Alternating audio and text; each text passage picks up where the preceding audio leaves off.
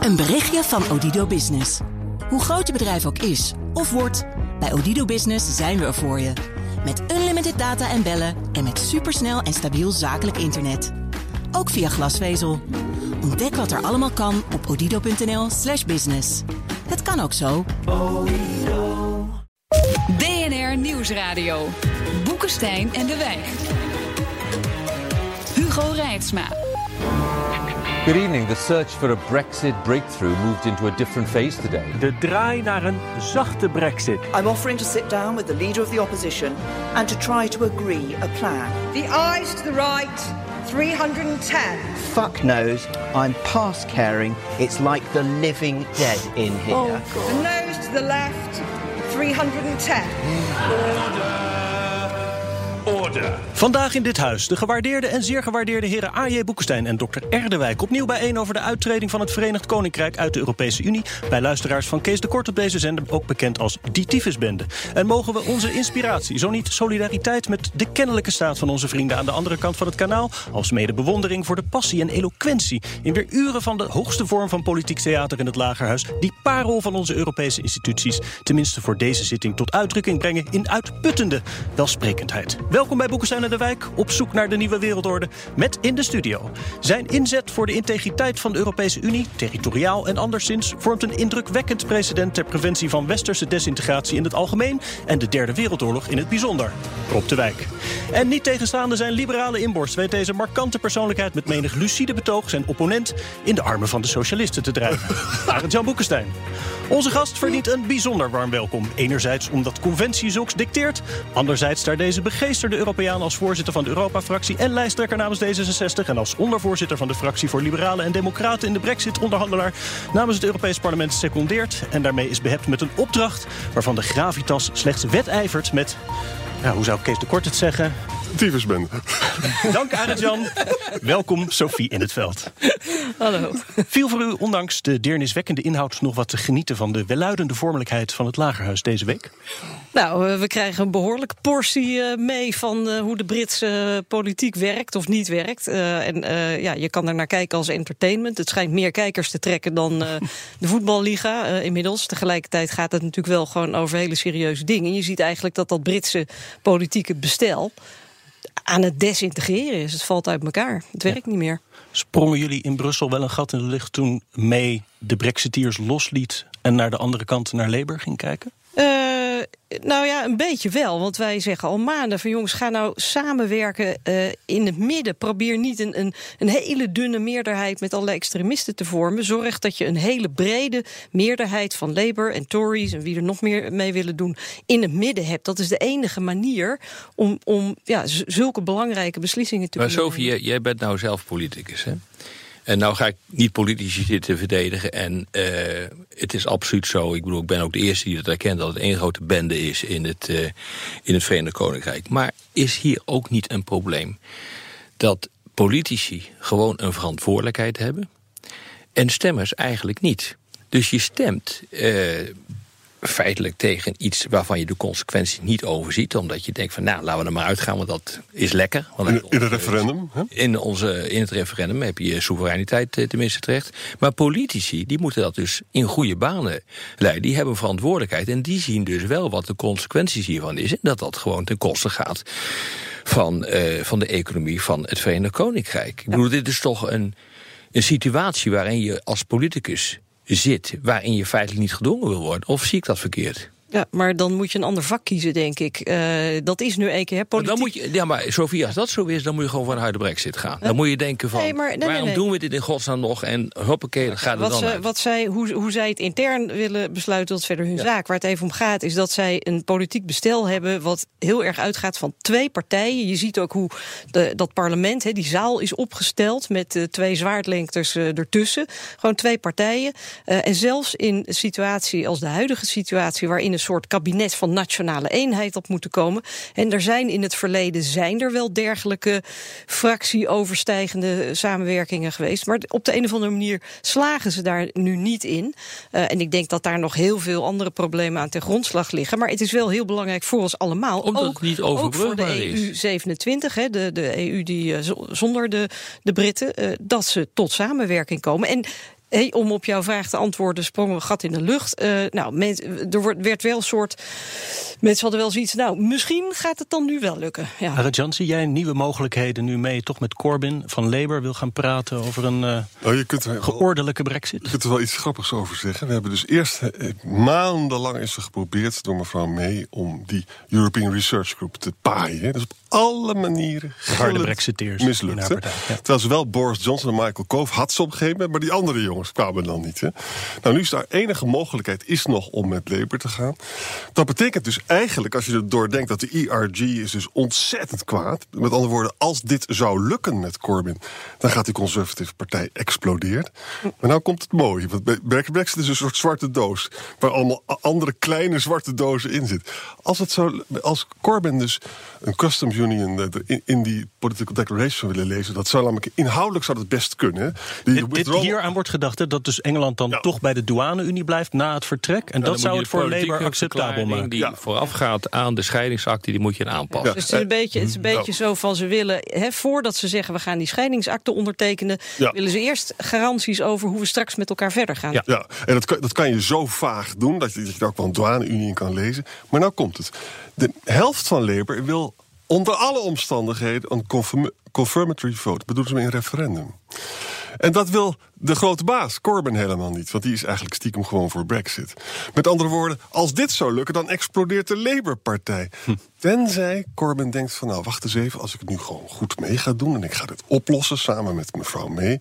dan kan ik misschien ook als een soort held worden gezien. En dan kan dat ook weer goed zijn voor de komende verkiezingen. de conservatieve partij, als dat gebeurt. Dat, en, een deel, ja. en, een deel, van Labour. Ja. Maar wat er, wat er, weet je wat, dit hele probleem was nooit... tussen het Verenigd Koninkrijk en de Europese Unie. Nee. Het is een probleem uh, van de Britse politiek ja. en de Britse samenleving. En ja. uh, wat je nu ziet gebeuren is dat die twee, dat twee partijenstelsel...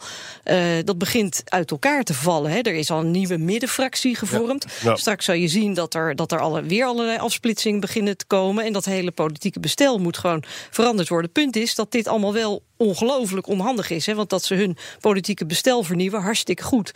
Um, maar we moeten wel eerst even die brexit regelen. Anders dan vallen we over de klif met alle schade die daarbij komt. Ja, en, het, en het trieste is, het, het geldt niet alleen voor voor het Verenigd Koninkrijk. Kijk, Europa staat voor hele belangrijke ja. beslissingen. Nu de China-politiek bijvoorbeeld. Er zijn nu allemaal dingen. Maar alle aandacht wordt steeds weer naar dit vervloekte onderwerp. Maar even nog bij Londen blijven. Hoe, hoe kansrijk achter dat, dat May en Corbyn eruit komen? Ja, Want dan is het rond. Je, hè? Dan... Ik, we krijgen nu al twee jaar, tweeënhalf jaar vragen van hoe kansrijk uh, acht u dit of dat. En iemand zei op een gegeven moment, nou dan kan je het beste uh, een, uh, een lezer van tarotkaarten raadplegen. Want uh, who's to say. Ja. Maar het is in ieder geval hoopvol dat ze zeg maar, de psychologische grens over zijn gegaan ja. om samen te gaan zitten. En tuurlijk, Corbyn die hoopt ook dat hij daar garen bij spint. Aan de andere kant zijn er voor hem wel degelijk ook risico's. Maar er is wel een soort consensus, hij lijkt er wel te komen rondom die, die douane-Unie. En als ze zich daar nou, ja. als ze het daar over eens kunnen worden, ja, dan heb je echt een hele grote maar hobbel Ook genomen. als dat ten koste gaat van de conservatieve partij, die daardoor uit elkaar flikkert. Ik denk, Want dat ik zou denk dus dat gewoon die, kunnen gaan ja, gebeuren. Dat zou gewoon kunnen gaan Het gebeuren. is toch niet uh, mensen als Rees Mogg van die, van die diehards, die gaan hier toch niet mee akkoord. Nee, maar die zijn, maar die zijn dus nu eigenlijk eventjes buitenspel gezet. Hè? Nou, dat weet ik niet uiteindelijk. En mee, en mee is het de schaamte voorbij, om het deftig te nee, maar formuleren. uiteindelijk kan je natuurlijk een, een, een, meerderheid krijgen binnen het parlement. Ja. Maar als dat betekent uh, dat, uh, laten we zeggen, de helft van je, uh, van je partij gewoon wegloopt ook uit het parlement, dan heb je echt een probleem. Hoor. Maar, maar die Tory, het, het hele punt is dat referendum is destijds georganiseerd door David Cameron. Die hoopte dat hij daarmee de Tory-partij bij elkaar kon houden, ja. die al ja. decennia verdeeld zijn. Die Tory-partij gaat uit elkaar vallen, of in ieder geval delen. Dat, dat gaat gewoon gebeuren. En wat ja. we nu zien is gewoon een soort, we zien het in slow motion gebeuren en ze, en ze sleuren de hele bende mee. Het was niet nodig geweest. Maar goed, hoe dan ook, dit is nu de situatie waarmee we te doen hebben. En we moeten gewoon ook zorgen dat we dit niet importeren uh, in ja. de Europese Unie. Want uh, wat Aantje al zegt, uh, we worden nu eigenlijk al wel twee jaar, tweeënhalf jaar hm. daar behoorlijk door gegijzeld. Maar eigenlijk pleit jij dan voor een harde brexit. Dat je zegt, jongens, bekijk het maar. Ga er gewoon uit. Hier willen we even niks meer mee te maken hebben. Uh, regel het op je eigen. Uh, we twee... horen wel als je eruit bent. Nee, er zijn twee dingen. Uh, harde, harde brexit, nee. Hè, want als je bijvoorbeeld een douane-unie hebt, dat is dan geen harde brexit. Het gaat ook even om wanneer. Hè. Ze hebben nu weer verlenging aangevraagd. en daar moeten de, de regeringsleiders over beslissen straks. Unaniem met z'n 27. Uh, dus dat is, dat is nog niet zo makkelijk. Uh, maar daar spelen wel een heleboel dingen een rol. Want aan de ene kant, hè, als, je, als het allemaal niet lukt... en ze kukelen over de rand zonder akkoord, hè, no deal... Ja, ja. Uh, ja dat gaat een enorme schade opleveren. Dit, dat kan je niet eens voorspellen, want je weet niet eens waar je op in moet stellen. Een grote schade de, voor Engeland, maar ook voor Nederland, voor ook voor ja, Duitsland. zeker. Dus, dus Merkel en Rutte zullen dus volgende week donderdag niet gaan zeggen... van nou, wij vinden de no deal prima. Terwijl heel misschien Macron daar wel op inzet. Nou ja, dat hangt, maar dat, jongens, maar dat hangt er echt van af. Want stel je nou voor, ze krijgen, ze krijgen uitstel. Ze moeten mee gaan doen aan die verkiezingen. Uh, ik denk dat het redelijk onzinnig is om heel kort uitstel te geven. 30 juni wordt dan nu uh, gevraagd. Maar dat zal dan waarschijnlijk een jaar zijn. Dan moet je mee gaan doen aan die verkiezingen. Nou, wat gaat er dan gebeuren? Ries Mok die heeft al aangekondigd... als dat gaat gebeuren, gaan we gewoon alles blokkeren binnen de Europese Unie. En by the way, jullie moeten uh, een overeenstemming be bereiken over het nieuwe budget. Dat gaan we dus ook bij wijze van spreken blokkeren. Je, je houdt dan een, een, een zooi binnen de Europese Unie die niks wil...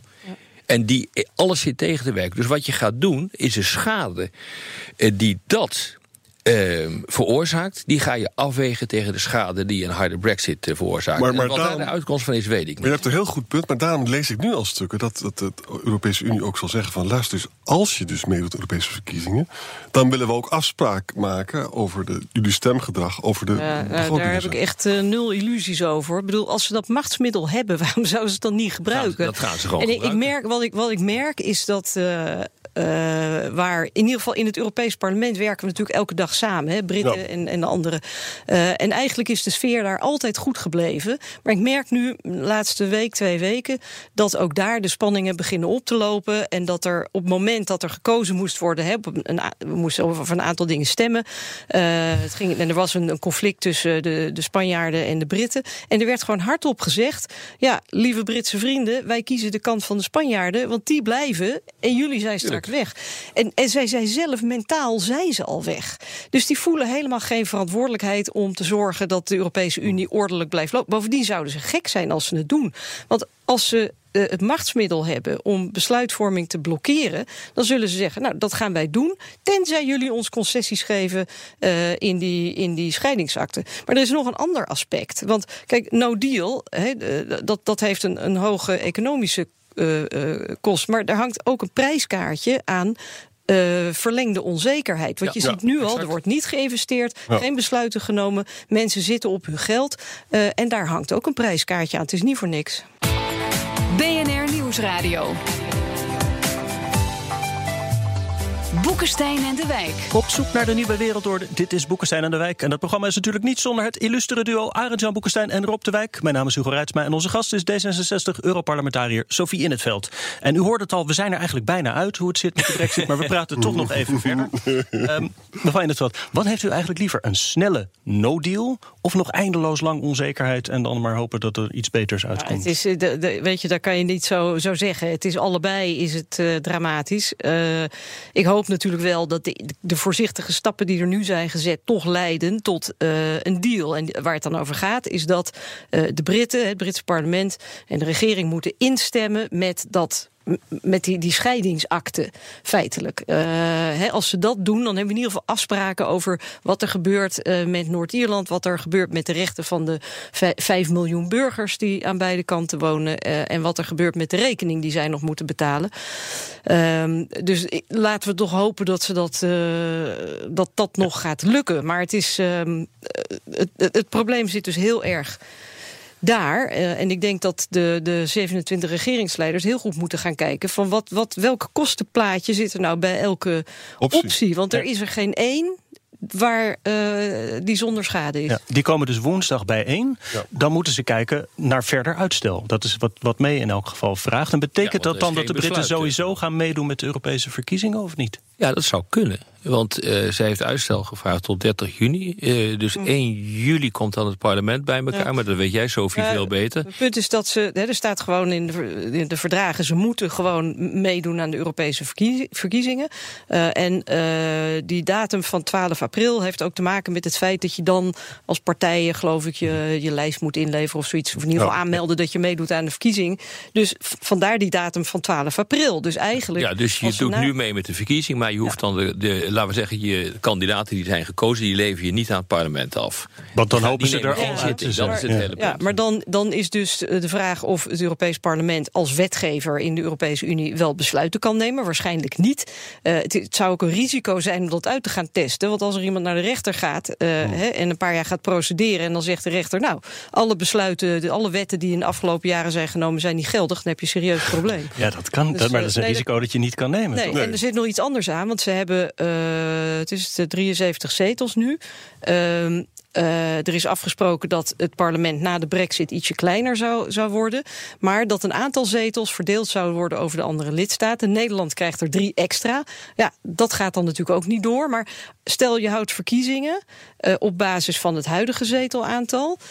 Dan een maand later of zo gaan de Britten weg. En dan ineens krijgen we die drie zetels erbij. Moet je dan, komt maar, er een maar, soort maar, stoelendans? Wat is dan je conclusie? Kan dan dat dat... het voorstel wat mee heeft gedaan wel of niet? Om, er op, uh, om het te verlengen tot 30 juni? Wat is nogal serieus ja, wat je juridisch, juridisch gezien uh, kan het wel, maar het heeft nogal wat haken en ogen. Maar als je, die, als je dat risico niet kan nemen, dan is er nog maar één mogelijke uitkomst, namelijk no deal. Want, ja. want voor al het andere is uitstel nodig. Nee, maar ik, kijk, er zijn allerlei de, uitstel. Hè, uitstel tot 30 juni, uitstel tot 22 mei, uitstel uh, 12 april was al uitstel. Uitstel voor een jaar, voor twee jaar.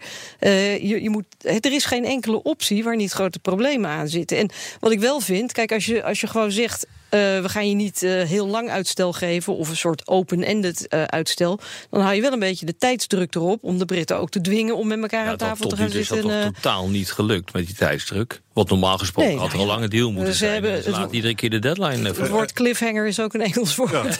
ja. Tusk heeft net gezegd van ik wil wel een lange verlenging. Hè. Dat haalt de druk natuurlijk ook weer een beetje vanaf.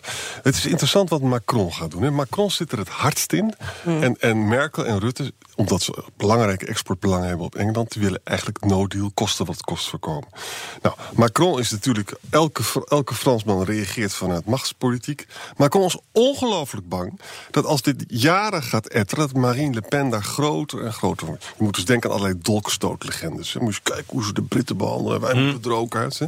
Daar is hij echt daar is vreselijk bang voor. Dus Macron gaat niet... Kijk, we kunnen het een beetje voorspellen. Meekomt met, met, met onvoldoende toezeggingen... dat, dat May Corbyn-verhaal... dat zal onvoldoende vlees hebben die woensdagavond op die top.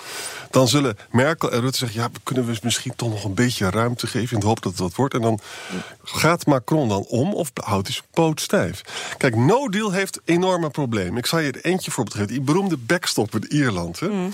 Wat ik gisteravond las, daar schrok ik van. Weet je wat de, wat de Brexiteers erover zeggen? Wij gaan er überhaupt geen tarieven heffen. Dus uh, bij ons speelt het helemaal niet. En dan moeten jullie zelf maar zorgen. Voor, dan zou dus, ja. Dan zou dus de Republiek Ierland moeten dus een grensje zelf daar ja. gaan lopen maken. Maar dat is, dat is, dat is het probleem. Je krijgt dan, je krijgt dan dus een, een harde grens met alle politieke gevolgen van die. Want de situatie daar is nog steeds, hè, dat zijn wij vergeten sinds het Good Friday Agreement. Maar de situatie is gewoon nog steeds heel gevoelig. Het heeft enorme implicaties voor de mensen die daar wonen. Ja. Uh, die gewoon uh, daar leven uh, zonder grens. Maar bijvoorbeeld Britse en Ierse nationaliteit hebben. En daar, daar zo langzamerhand enorm mee in de problemen komen. En het punt is dat bij een no deal moet er een grens komen, omdat dat namelijk dan de buitengrens van de Europese ja. Unie en de interne markt is. Want anders dan ja. wordt dat gewoon een soort gat in de grens, een soort smokkelaarsparadijs. Ja. En dan krijgt de Eerste Republiek krijgt dan de zwarte kaart. Hè? En, en, en die hebben dan de burgeroorlog veroorzaakt. Met andere woorden, het is precies zoals Rob zei. Aan de ene kant, als ze dus als dit doorettert, dan gaan ze van binnenuit Europa gaan ze chanteren. Dat is een heel sterk argument. Het is heel vervelend als dat, zeker binnen de Raad, maar ook binnen de Commissie zou het zelfs gaan gebeuren.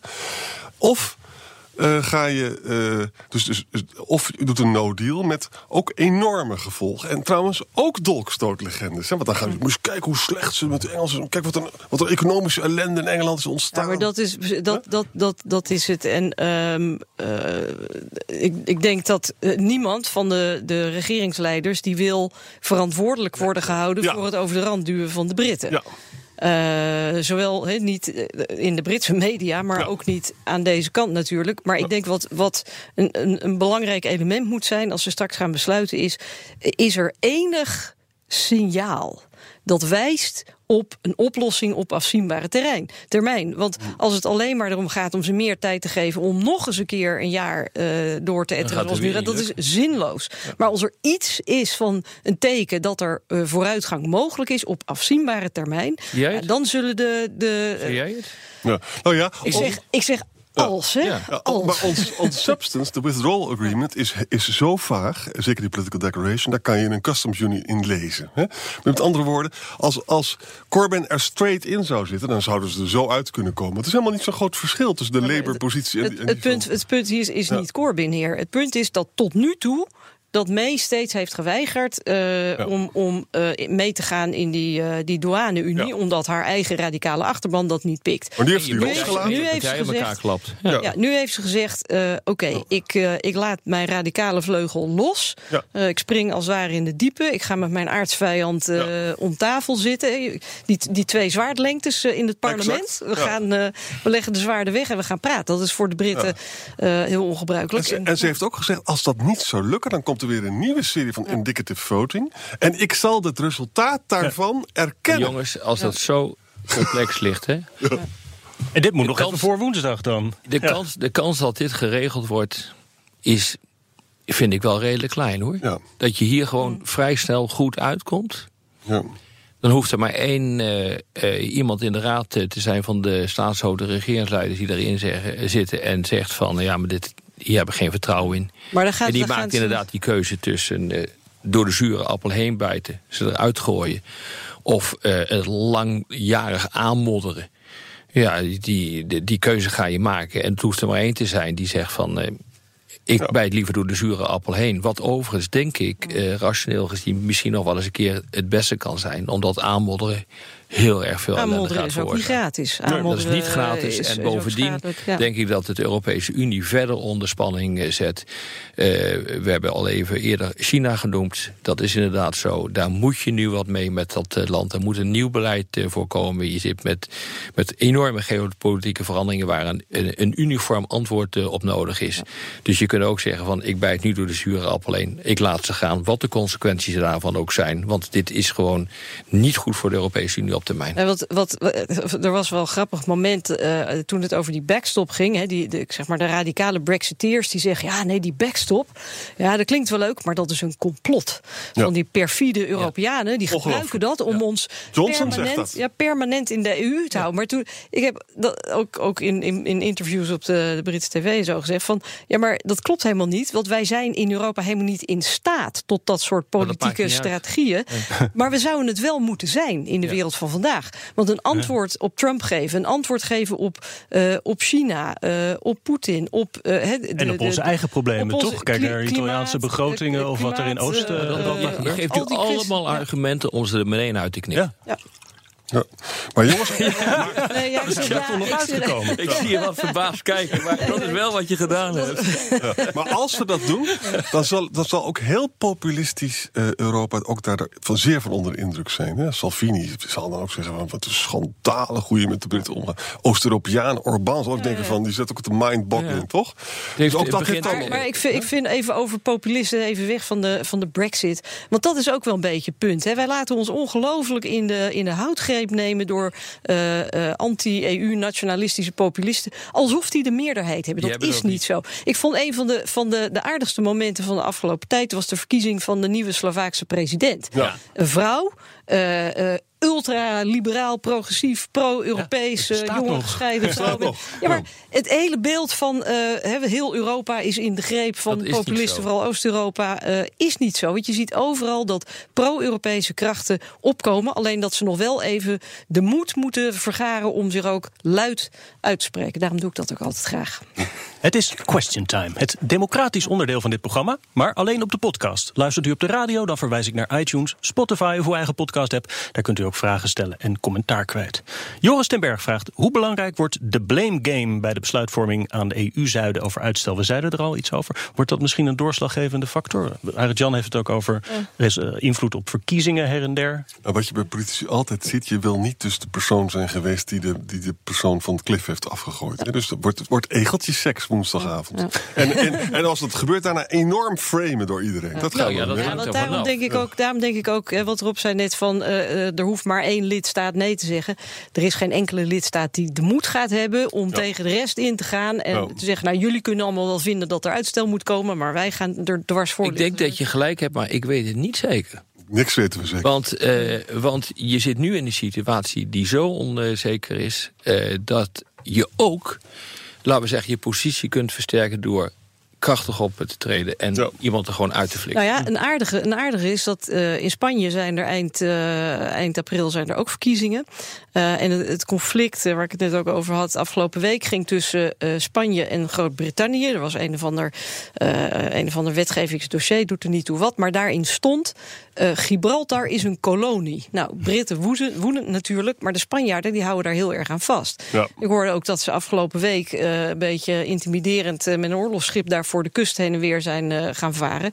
Dus de Spanjaarden die hebben ook wel zoiets van: we willen wel even laten zien. eh, over twee weken of drie weken verkiezingen. En eh, Sanchez die heeft echt wel wat te verliezen. Jan-Pieter vraagt: Wat is in de praktijk de uitwerking van een harde brexit op de Noord-Ierse grens de volgende dag, een week of een maand erna? Of krijgt het pas op langere termijn gevolgen? Volgende dag. Dus aanstaande zaterdag mogelijk? Feitelijk wel, maar Feitelijk, eh, ja. ik denk, kijk, er staat natuurlijk niet ineens een grenspost. En er zijn, het punt is, er zijn ook helemaal. Het, eigenlijk is een van de geestigste dingen aan de Brexit, voor zover er überhaupt iets geestigs is. ben benieuwd wat er nu Iedereen- komt. Ja, maar iedereen die roept altijd van, oh, Europa, enorme bureaucratisch eh, bastion, eh, of bastion, eh, terwijl hè, er werken minder eh, ambtenaren dan bij de gemeente Amsterdam, zeggen ze altijd. Maar er zijn in alle landen tienduizenden ambtenaren bij moeten komen. We hebben grensposten moeten bouwen, keuringsposten voor, weet ik veel, eh, vee en vlees wat, eh, wat binnenkomt. Het is werkelijk fenomenaal wat er aan bureaucratie opgezet moet worden om dit allemaal op te vangen. En dan, dan zie je ook even wat je eigenlijk. eh, hoe, hoe, hoe we er al aan gewend zijn geraakt dat de Europese Unie dat soort dingen doen. Daar denk je helemaal niet meer bij na. Skender die vraagt, en dit, dit vond ik ook wel een goeie, is een beetje ingewikkelde. Die vraagt: wat doen indicative votes ertoe in het lagerhuis? Die votes gaan bijna allemaal over de toekomstige relatie. Dat is ook het met die douane natuurlijk. Is relevant voor politieke verklaring bij Brexit-verdrag, maar niet voor het verdrag zelf. Dus, vervolgt hij in een nieuwe tweet, die indicative votes lijken me weinig relevant zolang Brexit-deal niet door het parlement raakt. En die raakt niet door omwille van de backstop. Backstop is niet onderhandelbaar voor de EU, dus er komt geen deal. dit gaat- Concludeert Skender. Dit gaat een beetje te snel. Indicative votings zijn dus niet bindend. hè. Die zijn er alleen maar op gericht om te kijken waar de tweede en de derde voorkeur voor is. Ja. Hè? Er is dus heel veel voor te zeggen om te doen. Want, nou, en dan vervolgens, da- daarna moet je dus nog een meaningful vote hebben. Hè? Dat betekent dus dat je een serieus een, een voorstel van May en Corbyn misschien, hè, een soort customs union-achtig ding. En dat moet ook een meerderheid Nee, maar wat ik ook en niet dan helemaal moet je nog de wetgeving doen. Ja, Ja, maar wat zou, een, wat zou een, een toezegging op die politieke verklaring over de toekomst voor verschil maken alles. over je oordeel Alles. op de scheidingsovereenkomst? Alles, Oh, alles. Dan Omdat- kan je meegaan met die scheidingsovereenkomst. Want het punt is, nou, kijk, allereerst als ze eh, een, een, een customs, hè, dus een douane-unie met, met nog wat toeters en bellen eromheen, dan is die backstop waarschijnlijk niet meer nodig. Ja. Dus dan eh, kan die ineens eh, een meerderheid krijgen. Dus de, de verklaring over de toekomstige relatie tussen het Verenigd Koninkrijk en de Europese Unie is bepalend voor of die scheidingsakte wel of niet een meerderheid gaat krijgen. Ja. Maar als je dus een Customs Unie en douane-unie hebt...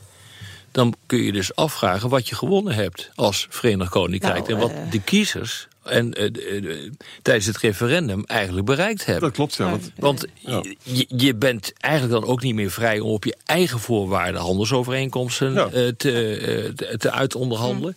En je bent met handen en voeten gebonden aan de Europese Unie. Ja. En dat is dus een totaal achtelijk eh, resultaat van een ook tamelijk achtelijk. eh, Nou, het is een beetje een gevalletje. consequent trouwens. Ja. gevalletje van de wal in de sloot, lijkt me. Want eh, kijk, er zijn heel veel mensen, ook in Nederland, eh, die. hey, je hebt, in Nederland heb je ook nog een eh, exclusief eh, clubje Nexiteers. En die zeggen: kijk maar, Zwitserland en Noorwegen, die kunnen het ook prima buiten de EU. En die zijn ook hartstikke rijk. Maar als je dichterbij kijkt, ze zijn lid van de interne markt, ze zijn lid van Schengen. eh, Betalen. eh, ze, ze, ze zijn netto betalers, netto betalers aan de Europese begroting. Eh, Ze dus krijgen feitelijk, subsidies ook uit Europa. ze krijgen subsidies. eh, ehm, eh, het- maar ze ze zijn dus aan eigenlijk alle regels ook van de interne markt gebonden. Dat zie je nu in Zwitserland. Hè, stuit dat ineens ook op problemen. Maar ze hebben geen invloed. Maar ze hebben geen. Dus ze mogen wel. Ze mogen, eigenlijk voor Nederlanders, hè, om het even helder te zeggen. Ze mogen wel betalen, maar ze bepalen niks. Ja. Lijkt me een slechte deal. Randall Flagg vraagt: Waardoor horen we niet zo weinig van onwettige acties tijdens de Vote Leave-campagne? Zal er nog een parlementaire enquête gehouden worden? Is de nationale veiligheid ook Nou, in gevaar gebracht? Daar is, daar is, Ah, nu, zo. een- er is nu een rechtszaak tegen Aaron Banks. Aaron Banks heeft geld gegeven, 7 miljoen pond, aan de Leave-campaign. Dat geld had hij niet. Het was een soort, soort Harry Mens van, eh, van Engeland. En vervolgens blijkt nu dat hij met allemaal Russen heeft gesproken. Dat hij ook een goudmijn eh, in het vooruitzicht had gekregen. En nu is er zelfs een rechtszaak. Dus er is echt er is meat hier. Hè? Nee, er zijn allemaal dingen zijn er aan de gang. Net zoals overigens gisteravond op Nieuwsnight bleek... dat het AFD dus geïnfiltreerd is door... eh, Oh, ja. Ik heb speciaal voor jou aan het begin het Newsnight melodietje gebracht. Ja, dat was, was helemaal weer gelukkig. Maar al die, de, de- al die dingen hangen met elkaar samen. Je ziet ook dat eh, je hebt ook een soort, eh, net als dat je zeg maar de socialistische internationale hebt, heb je ook de populistische internationale. Die werken ook allemaal samen, hebben Ja. manifesto's en zo.